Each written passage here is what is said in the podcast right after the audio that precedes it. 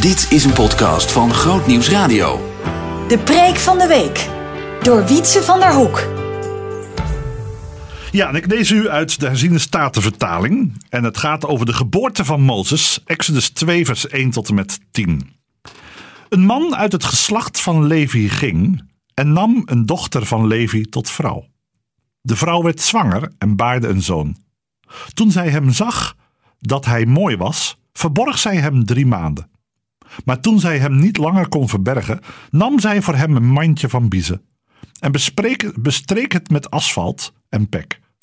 Ze legde het kind daarin en zette het tussen het riet aan de oever van de Nijl.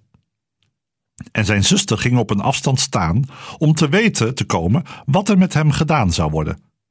Toen daalde de dochter van de farao af om zich te wassen in de Nijl. Terwijl haar dieneressen langs de kant van de Nijl liepen, zag zij het mandje midden in het riet. Ze stuurde haar slavin om het te halen. Toen zij het opendeed, zag zij hem, het kind. En zie, het jongetje huilde. Zij kreeg medelijden met hem en zei: Dit is een van de Hebreeuwse kinderen. Toen zei zijn zuster tegen de dochter van de farao: Zal ik voor u een voedster uit de Hebreeuwse vrouwen gaan roepen, die dat kindje voor u de borst kan geven? De dochter van de farao zei tegen haar: Ga maar. Toen ging het meisje de moeder van het kind roepen. En de dochter van de farao zei tegen haar: Neem dit kind mee en geef het voor mij de borst. Ikzelf zal u uw loon geven. De vrouw nam het jongetje mee en gaf het de borst. En toen het jongetje groot geworden was, bracht zij hem bij de dochter van de farao, en hij werd haar tot zoon. Want ze gaf hem de naam Mozes. Want, zei ze, ik heb hem uit het water getrokken. Ja, thema is uit het water getrokken. Bij het nadenken over dit Bijbelgedeelte moest ik denken aan een verschrikkelijk voorval wat ongeveer een jaar geleden in Amsterdam plaatsvond. Het drama van een huilende baby die aangetroffen werd in een ondergrondse afvalcontainer. Verpakt in een jumbo-tas ergens in Amsterdam Zuidoost. Ik weet niet hoe het u vergaat, maar zo'n bericht raakt me. Zeker als je zelf kinderen hebt. En zeker als je ook nadenkt over wat er gebeurd zou kunnen zijn, dan is het heel makkelijk om daar snel een oordeel over te vellen. Hoe kun je zoiets doen? Wat heeft iemand bewogen om, om zoiets, ja, zoiets moois, zoiets prachtigs in een afvalcontainer te dumpen, als het ware? En dan gaan de gedachten door je heen. Was het een verborgen zwangerschap? Uh, was de moeder zo arm dat ze niet voor het kind kon zorgen? Was het de wanhoop van wat dan ook? Vanmorgen lezen we ook zo'n verhaal. Het verhaal van een kindje dat gevonden werd. Niet uit de vuilnisbak getrokken, maar uit het water getrokken. En het verhaal staat in menig kinderbijbel. En als je de plaatjes ziet van zo'n koddig babytje die met een glimlachje in een biezen mandje over de Nijl dreef, dan lijkt het verhaal op het eerste gezicht toch iets vertederends te hebben. Iets sprookjesachtig, waarin alles weer goed komt en op zijn pootjes terechtkomt, zoals we vaker zien soms in kinderbijbels. Maar laten we eerlijk zijn, broeders en zusters. Deze setting van Exodus 1, die ook de opmaat vormt van Exodus 2, is gruwelijk. Meer dan gruwelijk. Laten we eerlijk zijn, het gaat hier over een volk wat dat 400 jaar na Jozef een verschrikkelijke slavernij meemaakt. Na Jozef is het goed gegaan. Hij mocht wonen in het land Gozen en, en mocht verblijven en het was goed. Maar we lezen in Exodus 1 vanaf vers 8 dat er een nieuwe koning aantrad in Egypte die Jozef niet gekend had. En dan staat er en hij zei tegen zijn volk, zie het volk van de Israëlieten is talrijker en machtiger dan wij. Kom, laten wij verstandig optreden, anders zal het talrijk worden. En mocht het zijn dat er een oorlog uitbreekt, dan zal het zich ook bij onze vijanden aansluiten, tegen ons strijden en uit het land wegtrekken. De angst tegen de Hebreërs, het volk van Israël, was groot. En Farao besluit om, om te onderdrukken. En dat doet hij op een, op een harde manier. Heel fysiek, heel merkbaar. Niet alleen voor mannen, want de mannen werden, moesten hard en zwaar werk verrichten. Maar deze verschrikkelijke periode werd ook gekenmerkt door een, ja, laat ik het maar actueel noemen, een abortusbevel. De vroedvrouwen kregen de opdracht om de Hebreeuwse jongetjes te doden bij de bevalling. Juist als een vrouw op haar kwetsbaarst en op het meest afhankelijke moment is, slaat hier het werk van Satan toe. Gelukkig zien we ook dat de Hebreeuwse vroedvrouwen met een geweldige smoes eromheen kunnen. En zeggen tegen Farao: Ja, het lukt niet. De, de Hebreeuwse vrouwen bevallen veel sneller dan de Egyptische. We lezen dat in hoofdstuk 1, vers 17 tot 19. Hun baby ligt aan de borst voordat wij er zijn. Maar uiteindelijk worden alle geboren jongetjes in de Nijl gegooid. Een gruwelijke start van dit verhaal. En de vraag is ook waarom staat het verhaal er zo uitgebreid in de Bijbel? Nou, laten we niet vergeten dat Exodus het boek van de uittocht is. De uittocht uit de slavernij. De uittocht uit het diensthuis van Farao. En geestelijk misschien mogen we wel zeggen, de uittocht uit het diensthuis van Satan. En weet je wat vaak zien in de Bijbel? Goddelijke verhalen kennen bijna allemaal een kwetsbare start. Denk aan Abraham en Sarah. Denk aan Rut. Denk aan Hanna. Denk aan Maria. Allemaal kwetsbare mensen die een goddelijke plek krijgen in het verhaal. Ook hier is een kwetsbare start. Het lijkt het einde van het volk. En Satan vindt zijn weg via Farao om ook het volk van de belofte uit de weg te ruimen. Een volk wat aan het begin staat om een nieuwe weg met God te gaan. Maar wat we zien in dit verhaal is dat God doet grote dingen door kleine mensen. In tijden van onmogelijkheden. Wat zien we gebeuren? Als we kijken, dan zie je eigenlijk dat dit verhaal een hele bijzondere opbouw heeft. Het begint bij vers 1 en 2 met iets moois. ik zou bijna zeggen Gods goede schepping. Namelijk een vrouw die zwanger wordt, een zoon baart en er staat toen zij hem zag dat hij mooi was, verborg zij hem drie maanden. Ik moet bijna denken aan het verhaal van de schepping waar staat en God zag dat het goed was. Er staat dat woordje tof in het Hebreeuws. En het gaat hier niet iets over het uiterlijk van Mozes. Het was ook niet zo dat als het kind lelijk was geweest, dat het wel makkelijk had weggedaan. Het verwijst naar het scheppingsverhaal. De moeder ziet haar kind als scheppingswerk van God. En daarom weerstaat zij het bevel van Farao. Zo gaan wij niet met het leven van een jong kind om. Het is Gods goede schepping. Het is mooi. Maar uiteindelijk is dit mooie schepsel wordt, wordt getroffen door het leed wat er is. In een zondige wereld, waarin vers 3 uiteindelijk blijkt dat er staat, zij kon hem niet langer verbergen. En zij maakten een mandje. Bijzonder dat dat mandje uitgebreid beschreven wordt. Van biezen wordt het benoemd en, en bestreken met asfalt en pek. Het Hebreeuwse woord wat hier gebruikt wordt, het woordje teba. En teba is maar één andere plek waar dat woord terugkomt. En dat is bij de ark van Noach.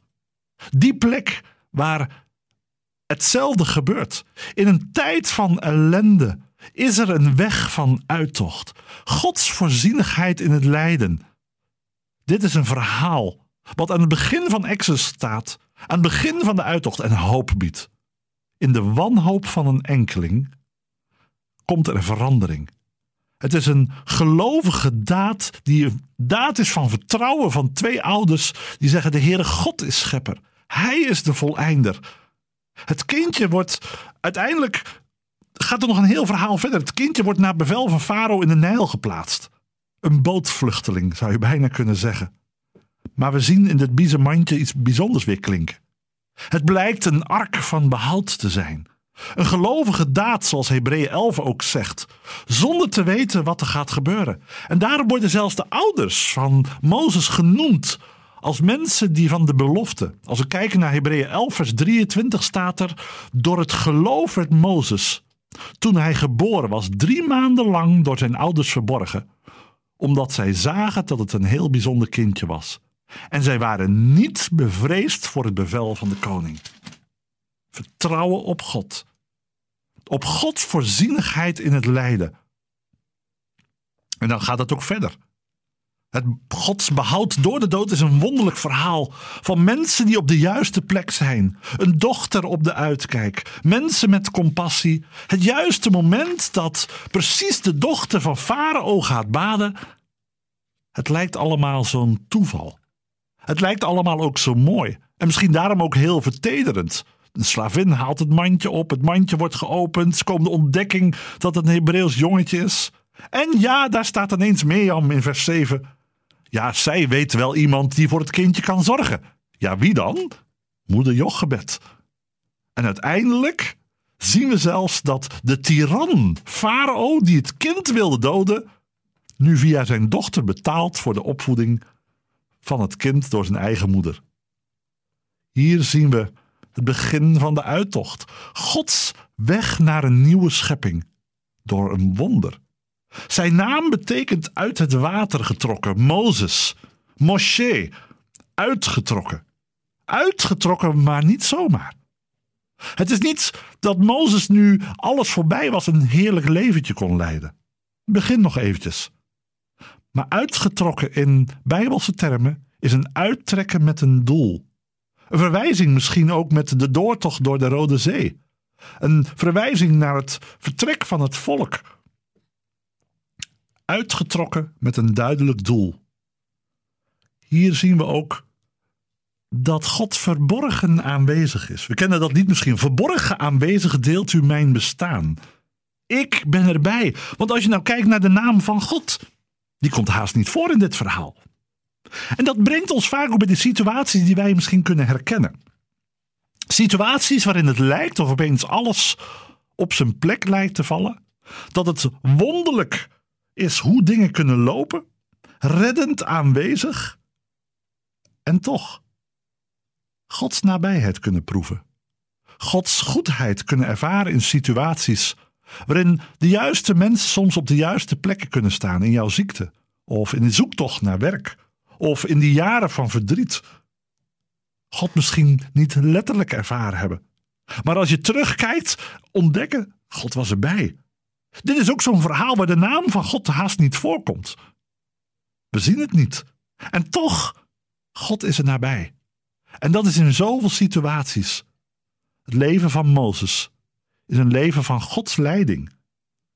Mirjam op de juiste plek. De prinses op de juiste plek. Een farao die uiteindelijk toch voor dat kind zorgt. Maar voordat we afsluiten wil ik toch ook een kritische vraag stellen. Want dit is natuurlijk weer zo'n prachtig verhaal. Ik zei al, heerlijk voor een kinderbijbel. Mozes wordt gered uit het water. Maar al die leeftijdsgenootjes dan? Waarvan we aan het slot van hoofdstuk 1 lezen dat ze wel verdronken zijn in de rivier de Nijl.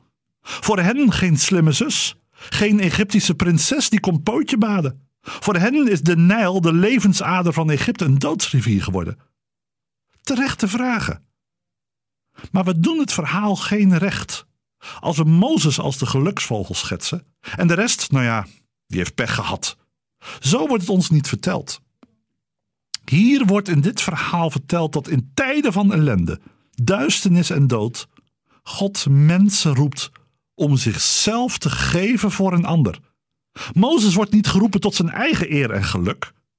Hij wordt geroepen om in Gods kracht, in Gods naam, het leidende volk de vrijheid te gaan verkondigen en hen de weg te wijzen naar de toekomst van en met God. Mozes wordt gered om eersteling te zijn van velen. Zijn redding moet het begin worden van een redding van een heel volk. Mozes werd niet geroepen tot een heerlijk leven aan het hof, ook al heeft hij dat nog eventjes gehad. Maar hij is koploper van een nieuwe generatie, voortrekker van een uittrekkend volk. En weet u nog zijn naam? Uitgetrokken, met een doel. Mozes zelf weet het nog niet.